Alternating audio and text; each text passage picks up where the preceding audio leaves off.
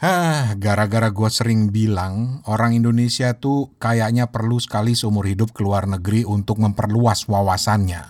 Ada beberapa orang yang email ke gue dan bilang, Bang, lo kagak nasionalis. Gua bilangin ya, jangan sekali-sekali lo ngomong soal nasionalisme dengan gue. Darah gue cuy, merah. Tulang gue putih cuy. Jangan dibalik. Ngeri ntar.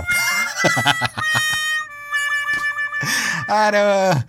Seriously. Gue tuh yakin Indonesia itu hebat. Orang Indonesia itu nasionalis. Tapi justru dengan membuka wawasan pada dunia lain, lo pasti bakal lebih hebat ke Indonesiaannya. Seperti teman baru gue di podcast kali ini yang ngambil beasiswa di sebuah negara yang ada hubungannya dengan lagu ini nih. Ryżowe pola mokną w wodzie, bawoły groblą ciągną wóz. Zmierzch cichy zapadł, więc jak co dzień znów do mnie wyjdź, nie zwlekaj już. Eits, tunggu, tunggu, tunggu, tunggu, tunggu, tunggu. Mungkin lo bakal bilang, Bang, ini lagu Indonesia bang. Siapa yang berani ngebajak? Adepin dulu gue. Santai cuy, ntar gue jelasin. Srebrzy się lśni piaszczysty plaży brzeg. Tam czeka cię tancerzy krok. Assalamualaikum kap, sawadee kap, apa kabar? Sabai di my kap. Baik semuanya? Alhamdulillah kalau baik. Inilah suara nih podcast bersama gua Rane Hafid dari Bangkok, Thailand.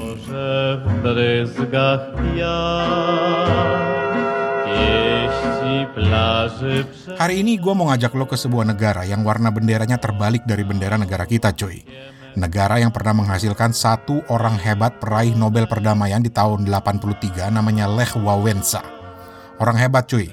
Ngetop banget sampai ke Indonesia di zaman gua dulu. Posternya juga tulisan gede-gede warna merah ya dengan font yang khusus. Tulisannya Solidarność. Wah itu keren banget. Itu nama partai yang dia pimpin, Partai Buruh. Itu sampai banyak dijual di Indonesia. Ngetop banget di zaman gua dulu. Ini nih untungnya, punya stasiun TV cuma satu dulu dan ada acara dunia dalam berita. Kita jadi tahu perkembangan dunia. Nyimpang jadinya. Tapi oke, em, jujur cuma itu fakta yang gua tahu dari negara ini. Letaknya aja di peta gua nggak pernah tahu persis dan belakangan baru nyadar, oh posisinya itu ada di sebelah kanan Jerman, di atasnya Chechnya dan di sebelah kirinya Lituania. Malah awalnya gua mikir ini negara komunis cuy. Gila lu, komunis men. Terbelakang banget pasti. Sampai kemudian gue kenal dengan seorang mahasiswa asal Temanggung yang kuliah di Jogja dan terus lanjut nyari beasiswa ke negara ini. Negara yang namanya Polska atau Polandia. Saat itu gue mikir, gila nih orang, ngapain dia kuliah ke Polandia? Emang ada ya orang Indonesia di Polandia ya? katro gue, katro. Ternyata ada. Dan teman baru gue ini namanya Muhammad Ulil Albab atau gue manggilnya sih Mas Ulil aja. Dan saat gue ngobrol dengan dia, dia ini lagi ngambil master bidang uh, production engineering di Universitas Woods. Tulisannya sih L O D Z, bacanya Woods. Uh, itu uh, sebuah kota, nama sebuah kota sebenarnya yang jaraknya sekitar satu setengah jam dari ibu kota Polandia. Apa anak-anak ibu kota Polandia? Nih, gue anak generasi Orba tahu banget ibu kota Polandia itu apa. Karena kita dulu punya buku pintar, karangan Iwan Gayo yang membuat kita pintar. Warsawa, Warsawa, ibu kota Polandia. Minta maaf bercanda mulu gue. Em, jadi gimana ceritanya sampai Mas Ulil bisa kuliah di sana, gimana kehidupannya di sana, gimana rasanya kuliah di sana, dan kalau lo tertarik, eh, Mas Ulil akan berbagi pengalamannya juga. Siapa tahu lo mau nyusul. Jadi langsung aja kita ngobrol dengan tamu Suarane Podcast episode kali ini.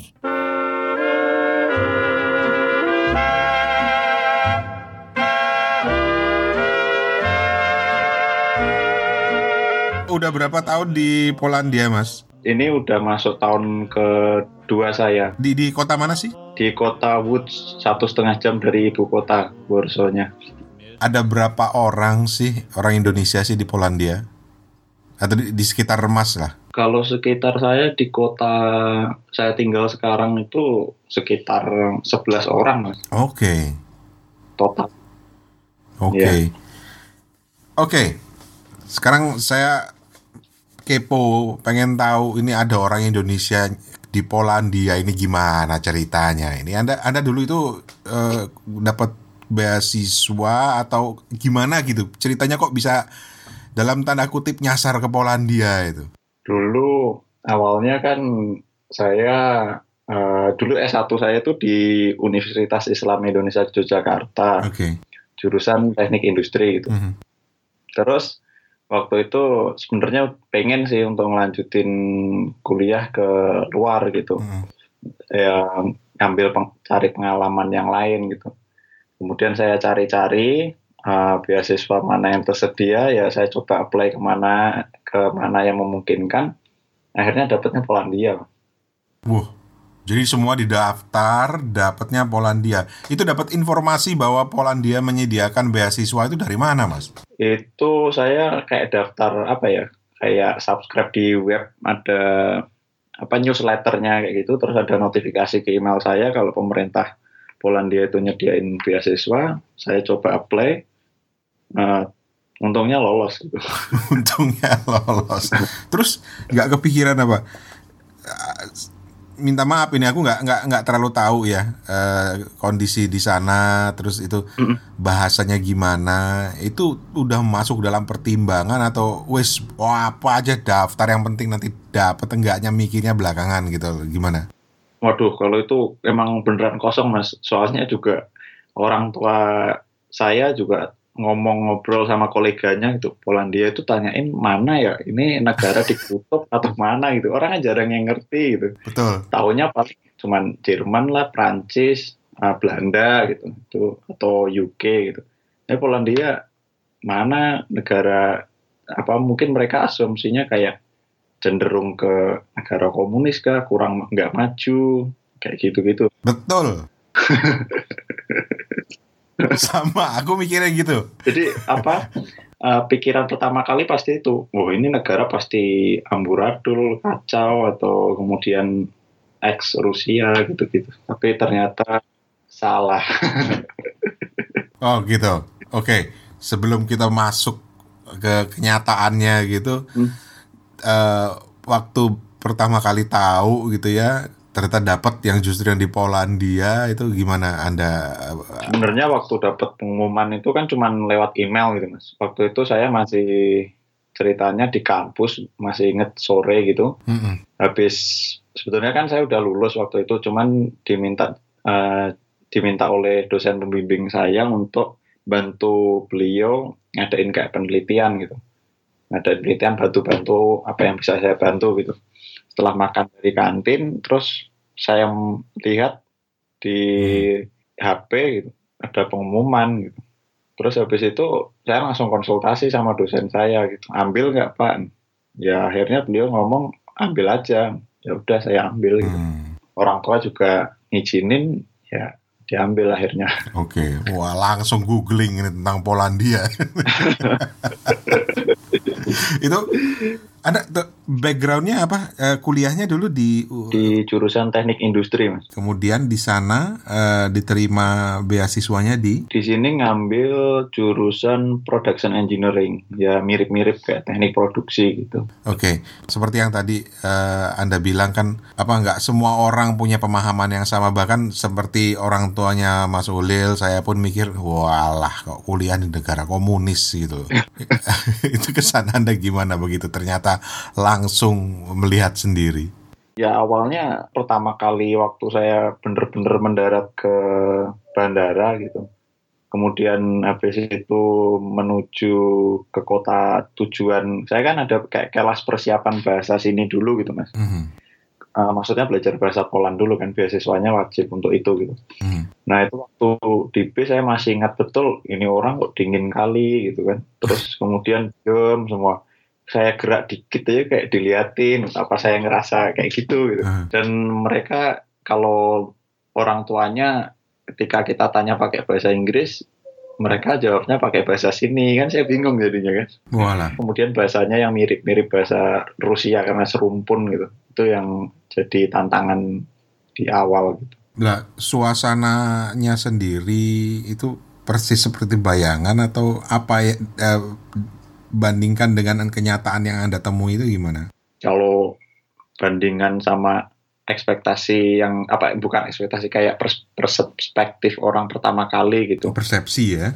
persepsi ya ya persepsi ya pertama kali sama yang sebenarnya jauh ya udah kayak termasuk negara modern kan gimana pun Poland juga termasuk salah satu negara Uni Eropa gitu yang dapat banyak bantuan dari EU gitu jadi Hmm. untuk pembangunan infrastruktur transport kayak pembangunan jalan transportasinya itu modern mas termasuk Udah termasuk modern. iya Oke. bagus Oke.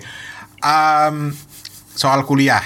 Ini anak Jogja di sana kuliah eh, harus belajar bahasa Polandia dulu. Jadi nggak pakai pengantar bahasa Inggris ya?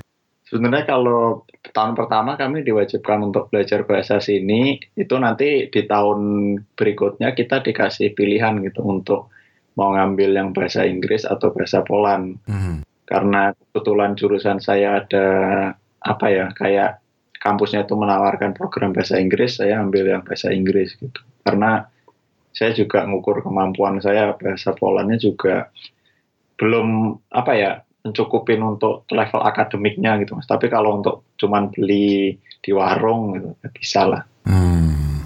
Buat buat ke warteg ya udah cukup lah ya gitu. gitu. Emang susah belajar bahasa Poland tuh, Mas?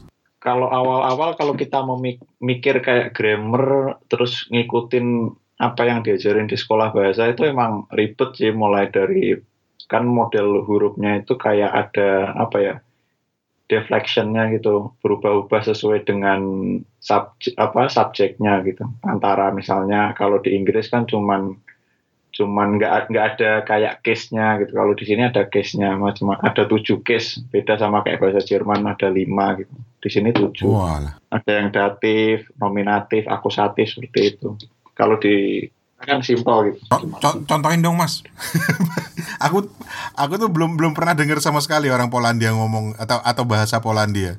Contohnya kayak kayak misalnya kayak uh, kalau di kita kan misalnya saya bicara terus kemudian kamu bicara.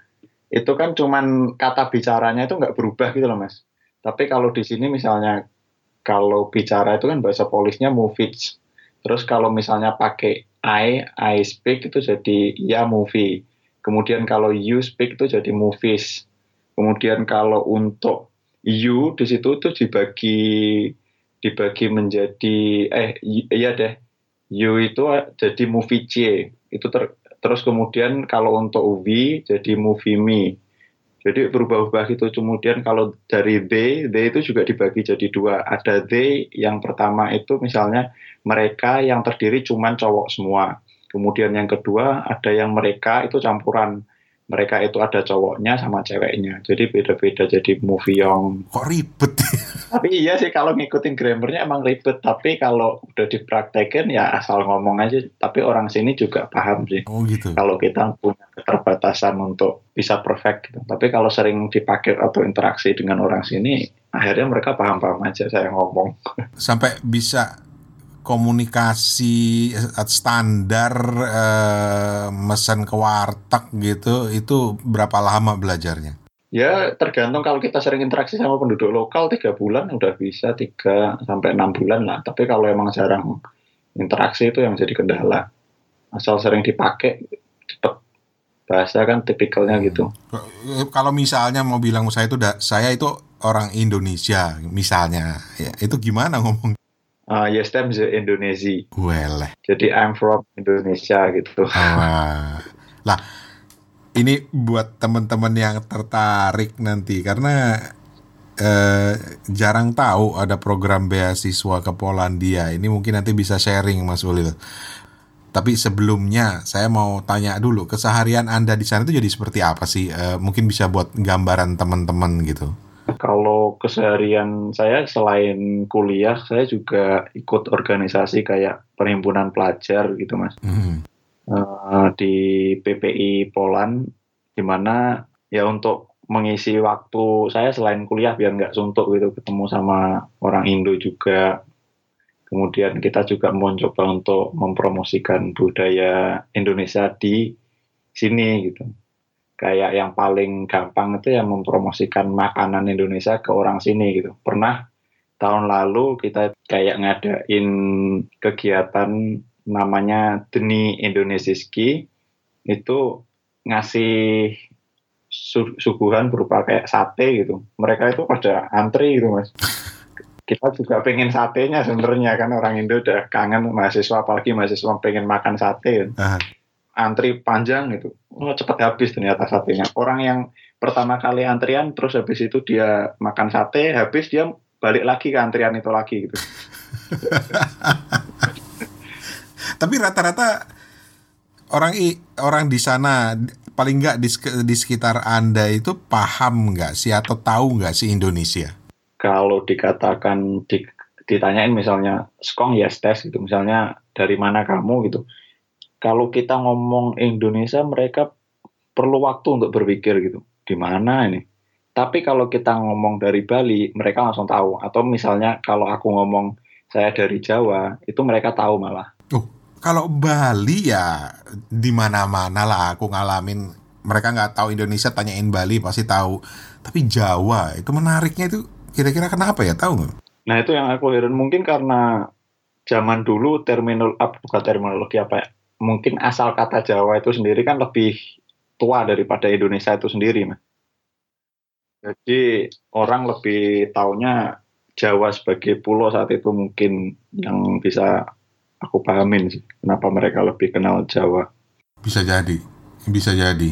Tapi kalau ketika pengalaman kayak tahun lalu saya tinggal di flat sama orang Poland, eh, kakek-kakek itu, dia itu inget bener eh, waktu itu zamannya Soekarno gitu, Soekarno, langsung dia ngomong terus ketika Soekarno ngomong-ngomong di PBB sidang saat itu gitu, dia dengerin di radio gitu, orasinya, kemudian wacana-wacana politik saat itu, dia dengerin dan tahu gitu tentang tentang Indonesia gitu.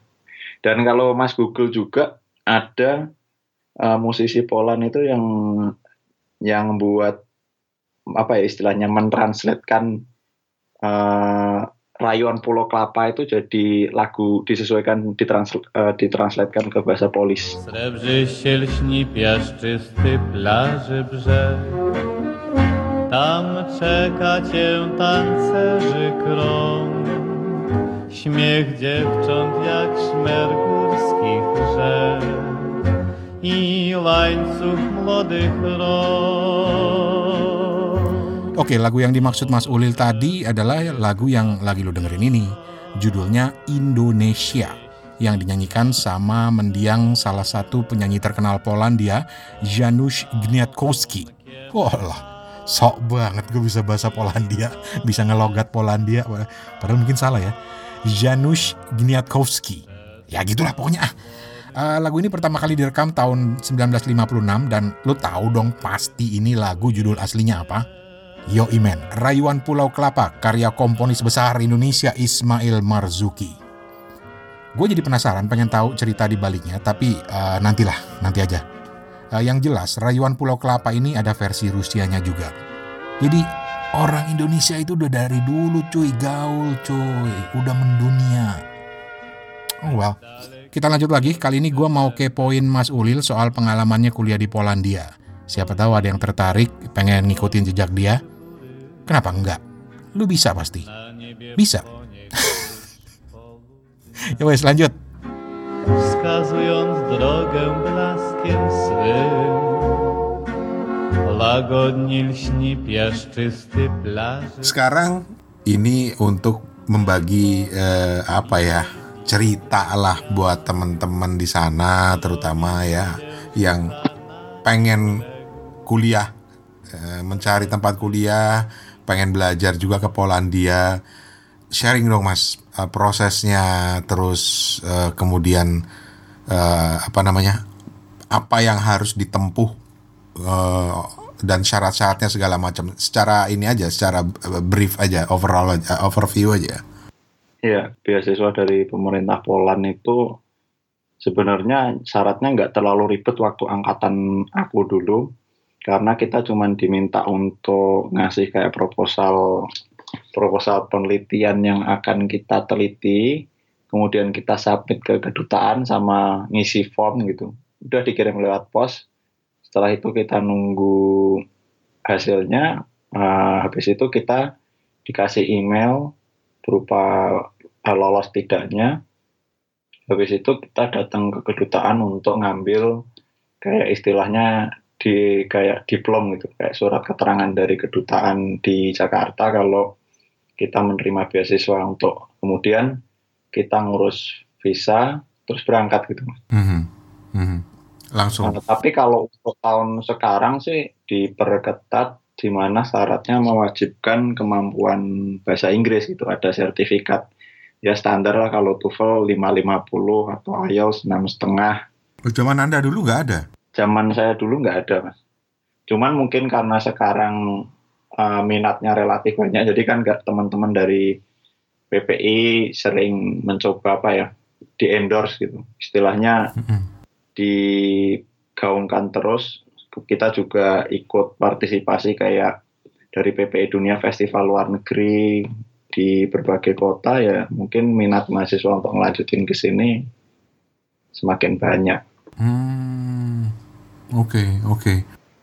Kalau untuk saran, kalau teman-teman mungkin ya siapin ini sih harus cepat adaptasi dengan lingkungan gitu. Apalagi kalau kita datangnya misalnya bulan September akhir terus masuk ke Oktober awal itu kan udah mulai dingin teman. Mulai dingin dan dinginnya kan nggak nggak dingin dingin angin angin sepoi gitu, tapi ya emang dingin beneran ya. Dan paling nanti hidung kita itu ngerasa kayak apa kering gitu, rasa pecah-pecah gitu muka. Nah sering-seringin kalau yang cowok nggak pakai pelembab pakai pelembab oh gitu. Oke. Okay. jadi lah anda sendiri gimana? Pertama kali adaptasi waktu ke ke sana. Ini kan dingin, dinginnya bukan dingin di Kaliurang atau di puncak ini udah jauh lebih dingin lagi bu. Iya. Kalau di Kaliurang mah masih masih bisa saya handle gitu jadi mungkin kalau aku kenapa dapat Polandia juga karena ibu pernah nyeletuk sih kan saya itu nggak suka suasana yang kayak gerah panas gitu. Mm.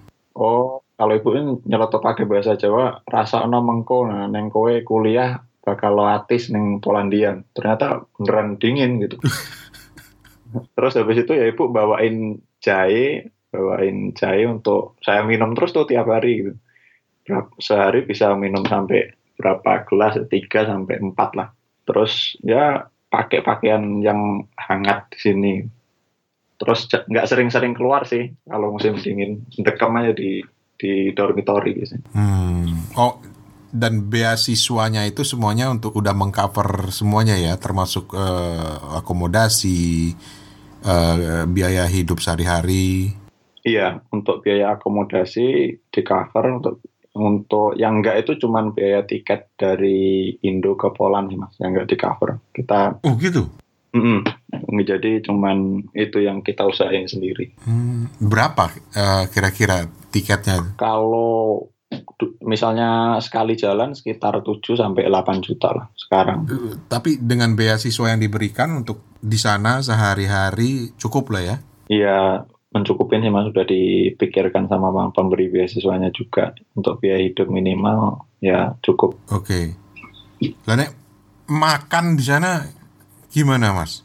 Nah ini kalau makan kita sebenarnya sama kita bisa beli beras juga soalnya kan beras dari Vietnam atau Thailand juga sampai ke sini gitu. Hmm. Beli sayur, makanan sih kita masih bisa sih untuk masak seperti di rumah gitu. Paling ya nyesuaiin aja bumbu-bumbunya. Kalau di kita apa ya bumbu ngeracik sendiri kalau sini pakai bumbu instan saya tetap bawa Royco atau Masako gitu. Kirim biasanya dapat teman yang pulang tahun lalu terus dikasih dapat itu harus istilahnya apa ya uh, penyelamat lah dari segala masakan gitu. Gitu. Jadi tetap ya. Lah kalau makanan lokalnya itu kayak apa di sana? kalau makanan itu tipikalnya kayak dumpling namanya pierogi itu tip- tipikalnya kayak dumpling itu yang isinya bisa sayur bayam atau keju atau daging Mhm. kemudian ada apa lagi ya makanannya kalau yang pierogi itu ada dua dia ada yang direbus ada yang di digoreng bukan digoreng sih kayak di oven gitu Mhm. terus ada namanya hopot hopot itu sejenis minuman tapi kayak sama tumbuh-tumbuhan gitu kayak kalau di kita itu kayak wedang uwuh gitu loh mas Oke. Sesuai disesuaikan mungkin dengan kondisinya ya. iya biar hangat Iya. Oke. Sehari-hari lah kalau makanan wartegnya gitu, makanan sehari-harinya di sana itu apa, Mas? kalau orang sininya ya Mm-mm. kalau orang sininya tuh kebanyakan emang makanan utamanya kan dia nggak pakai nasi ya, pakai kentang gitu. Paling mereka cuman kayak kentang di dihaluskan gitu, kemudian dibuat kayak eh, lembaran sejenis kayak lembaran kentang gitu, terus dikasih garam, digoreng gitu. Udah. Mhm. Kalau pagi biasanya mereka makan roti, dikasih eh, keju, terus eh, kalau misalnya ya udah habis itu ditaruh di microwave, mereka makan. Walah. Nggak kenyang. Tapi rotinya emang rot bukan roti, rotinya kayak keras gitu loh mas. Jadi yang kenyang juga sih. Kadang mereka juga makan kayak ikan, ikan yang dikasih kayak saus putih gitu. Terus mereka makan sama roti juga dijadiin di atasnya gitu. Hmm. Tapi Anda udah cocok atau memang ya masak lah, masakan Indonesia lah gitu. Kalau cocok, eh, sebenarnya kan saya juga punya kenalan kayak apa ya istilahnya orang Poland gitu. Kadang sering diundang untuk makan di acara mereka ya cocok-cocok aja sih namanya mahasiswa makan kayak gitu kenyang juga oh mas enak-enak Tetap yang penting isi perut gitu ya. iya dan dan lebih ini kalau makanan Poland itu tipikalnya kalau kita makan nasi kan kadang beberapa jam udah lapar ya tapi kalau makan Hmm. itu awet awet kenyangnya gitu jadi nggak gampang lapar Oke. Yang juga jadi jadi banyak masalah bagi mahasiswa asing atau orang yang tinggal di luar negeri itu adalah mencari makanan yang halal, terutama daging. Nah, itu gimana kalau di Polandia? kalau itu sebenarnya tergantung preferensi pribadi ya dalam artian halal seperti apa gitu kalau misalnya halalnya emang harus butuh kayak sertifikat gitu kadang anak-anak banyak yang cari di warung eh bukan warung sih di Islamic Centernya di masjidnya itu biasanya ada yang jualan kalau di kota Warsaw itu mereka ada jualan kayak toko halal gitu. Jadi dua jualan daging ayam, daging sapi di sana. Mereka pada beli di sana. Tapi kalau kayak saya ya saya beli aja daging di supermarket gitu. Selama itu misalnya tulisannya daging sapi, ya udah beli sapi. Kalau itu daging ayam, daging ayam. Hmm. Memang kembali kepada pemahaman atau apa yang kita percayai sendiri ya. Iya mas.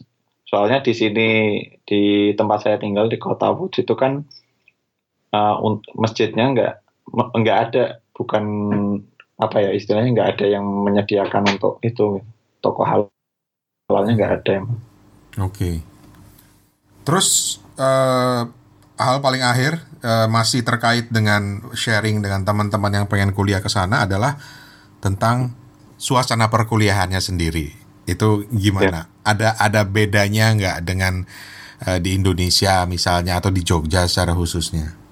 kalau bedanya sih mereka cenderung ketika dosen itu menyampaikan materi gitu mereka terbuka sih lebih ngomong belak-belakan gitu jadi kalau mereka nggak setuju sama pendapat dosen langsung angkat tangan bisa bisa berdiskusi gitu dan cenderung lebih egaliter. Jadi kita ke kampus juga nggak harus pakai apa ya baju yang formal gitu kayak di Indo gitu. Di mana harus pakai baju pakai kaos oblong pakai celana pendek. Kalau sekarang udah mulai pada summer jadi mereka mau pakai celana pendek juga boleh gitu.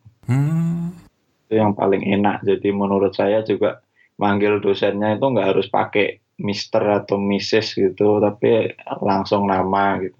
Oke. Itu yang beda. Jadi enak sih untuk suasana kuliahnya. Terus sikap mereka eh, dosen-dosen itu eh, seperti apa? Dalam artian gini, kuliahnya itu susah nggak sih?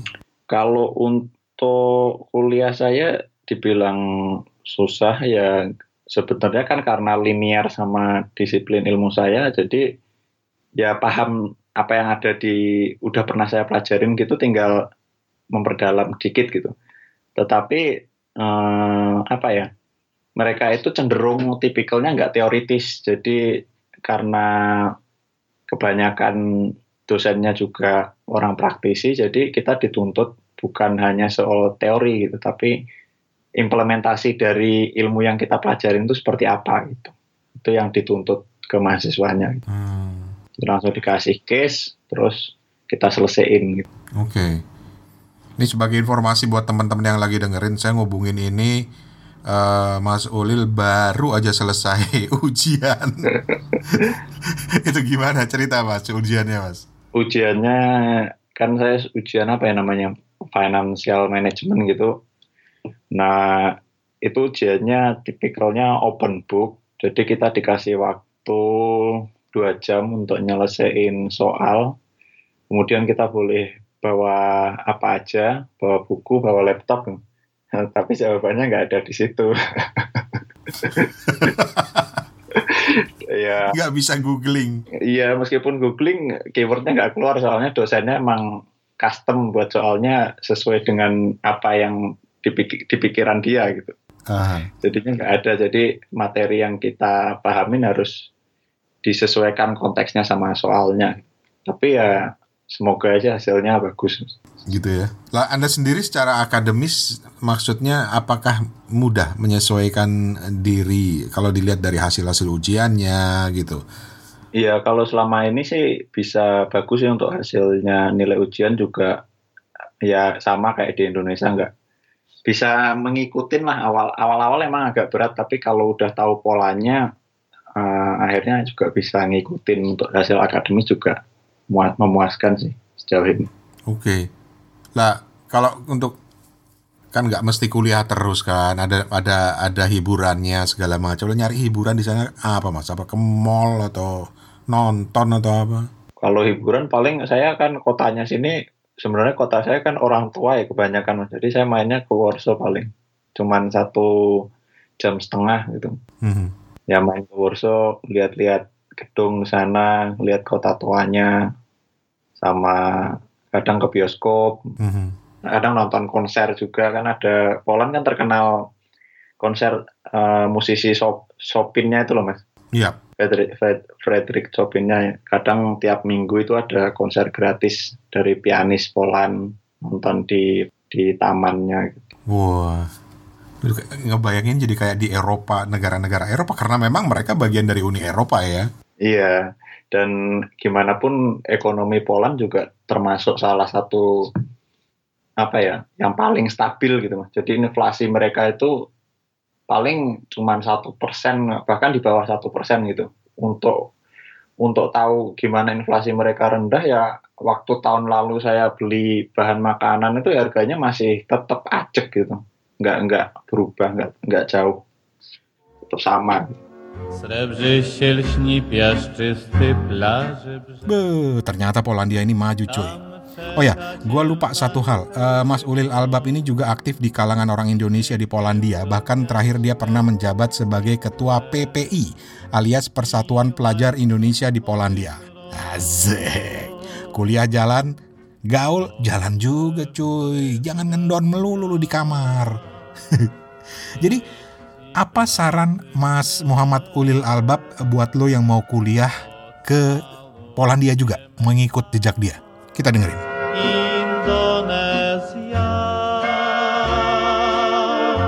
Oke, paling akhir banget Nyon Sewu buat teman-teman yang akan ke sana gitu ya.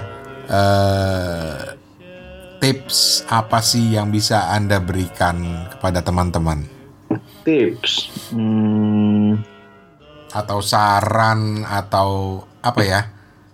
uh, untuk survive di Poland gitu misalnya. Karena tadi kan anda udah share tentang uh, berangkatnya gimana dapat da beasiswanya gimana. Tapi kemudian uh, like uh, sehari-hari di sana uh, untuk bisa survive lah sebagai orang Indonesia di di uh, Polandia kalau untuk survive ya kita harus secepat mungkin untuk beradaptasi sama lingkungan gitu. Mulai dari bahasa, terus kemudian kita juga harus ngertiin karakter orang gitu. Mulai dari budaya mereka seperti apa gitu. Kita harus berusaha untuk menyesuaikan gitu. Hal yang paling gampang ya kalau kita misalnya naik tram gitu, kemudian ada orang tua, kita misalnya udah duduk dapat tempat duduk terus ada orang tua yang jalan ke arah kita tanpa diminta kita harus cabut gitu. Langsung ngasihkan tempat duduk itu ke orang tua itu gitu. kemudian kalau soal paling yang jadi tantangan itu kayak kalau kita ngurusin izin tinggal sih mas. Kita kan berhubung paspor Indonesia paspor hijau gitu. Ya ribet gitu birokrasinya. Itu nggak dibantu oleh universitas ya? Ngurus sendiri ya? Ngurus sendiri ya. Semua harus ngurus sendiri mulai dari asuransi kemudian buka rekening bank. Itu ya kita harus bener-bener ngomong sebelepotan belepotannya kita pakai bahasa sini ya udah ngomong gitu. Usahain. Kalau nggak bisa ya pakai bahasa tubuh. Terpaksa. Jadi no excuse gitu. Nggak nggak harus harus bener-bener ini apa ya tahan banting lah. Nggak nggak usah banyak ngeluh sama birokrasi di sini soalnya tipikal kampusnya beda sama Eropa Eropa yang lain gitu yang dibantuin. Maksudnya? Maksudnya kayak uh, kampusnya nggak nggak mengasis gitu nggak bantu banyak gitu loh mas. Hmm, jadi kita yang harus mengusahakan sendiri iya dan harus proaktif untuk ngurus itu misalnya ada pengumuman ya dibaca pengumuman itu meskipun pakai bahasa sini ya dibaca pahamin apa maksudnya terus segera tindak lanjutin sesuai deadline-nya. Lah Anda pilih yang bahasa Inggris kan lebih untuk perkuliahan. Tapi teman-teman ada nggak yang orang Indonesia di sana yang memilih, ah oh, udahlah, aku mau kuliah pakai bahasa Poland aja. Ada mas. Uh, untuk tahun ini teman saya ada juga yang ngambil bahasa Poland. Emang mereka sampai waktu 24 jam itu nggak cukup gitu. Bahkan kalau saya dengar cerita mereka juga apa ya betapa mereka struggle-nya itu kayak gini ketika mereka datang perkuliahan, mereka tuh kayak jadi bule sendiri itu. Jadi bule di antara bule. orang pada ngeliatin gitu. Mereka ini orang mana kok ada ya yang kuliah satu orang doang gitu. Mereka harus temen saya itu harus mencatat gitu. Terus direkam direkam apa materi dari dosennya ngomong apa direkam terus sampai rumah didengerin mereka juga harus ngubungin temennya gitu untuk bantu ini maksud dosennya apa pinjem catatannya kalau kita mau presentasi itu yang jadi kendala biasanya kan harus ngomong ya presentasi kan enggak hmm. Ini slide nah, misalnya ngomong pakai bahasa sini toyes misalnya toyes itu this is gitu atau ini apa ini apa kan nggak bisa kayak gitu harus ngomong mereka harus bawa catatan terus dibuat kata-katanya terus dibaca gitu. Pertimbangan dia lebih mungkin karena mata kuliahnya ya, kenapa dia memilih dalam bahasa Polandia atau? Iya benar karena jurusannya emang nggak nggak menawarkan program yang bahasa Inggris jadi mau nggak mau harus pakai bahasa sini. Gitu. Udah terlanjur kecebur, udah basah ya harus dilanjutkan gitu. Sekalian. Kalian gitu. Tapi ya perjuangan ya kadang mereka sampai nangis-nangis juga biasa lah mahasiswa. Mhm. Itulah kehidupan di luar yang suka dukanya belajar beradaptasi sampai sampai waduh kebayang di sana itu udah ber struggling dengan cuaca kemudian juga dengan kuliah dengan bahasa segala macam matur nuwun semangat mas terima kasih banyak assalamualaikum waalaikumsalam mas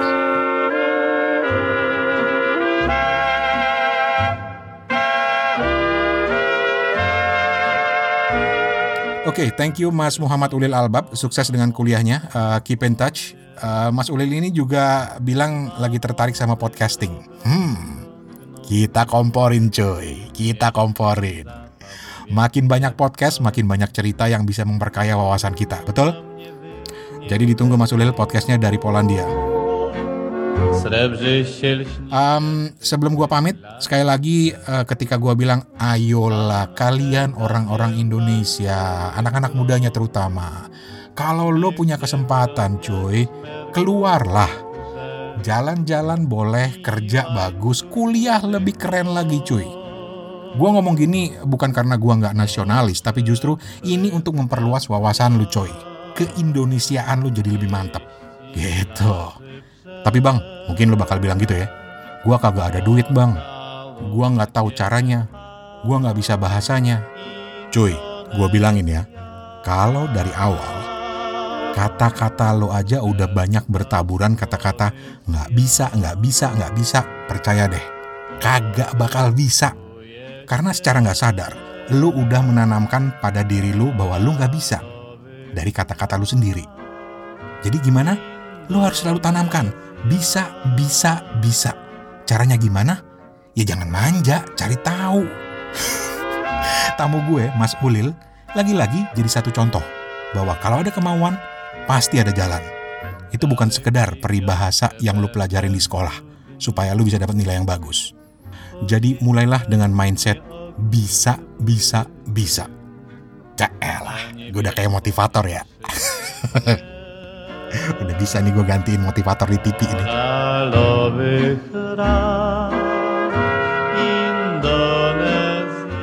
Ya wes, um, gue pamit. Jangan lupa subscribe ke Suarane Podcast di aplikasi podcast di HP lo, kayak di Cashbox, Google Play, Apple Podcast, TuneIn Radio, SoundCloud, atau Anchor. Dan cari aja kata kuncinya Suarane, Suarane, atau main ke website gue suarane.org, suarane.org. Oh ya terakhir banyak yang kontak gue dan bilang, Bang, gue pengen banget bisa collab sama lo bang. Pengen banget bisa tampil di podcast lo. Lo kenapa enggak? Boleh aja. Dengan senang hati men, dengan senang hati. Karena memang uh, lewat podcast ini gue mau sebanyak mungkin, ini obsesi gue nih. Obsesi banget. Gue mau sebanyak mungkin ngajak ngobrol dengan siapa pun lo dan di mana pun lo, apa pun profesi lo, berapapun umur lo, mau cewek mau cowok mau cewek boleh dengan senang hati. Syaratnya cuma satu. Lu punya cerita menarik apa yang kira-kira bisa di-share dengan orang lain? Yang kira-kira bisa bermanfaat buat orang lain? Itu aja. So tell me your story kontak gue di suarane at gmail.com suarane at gmail.com atau direct message gue di instagram gue uh, suarane podcast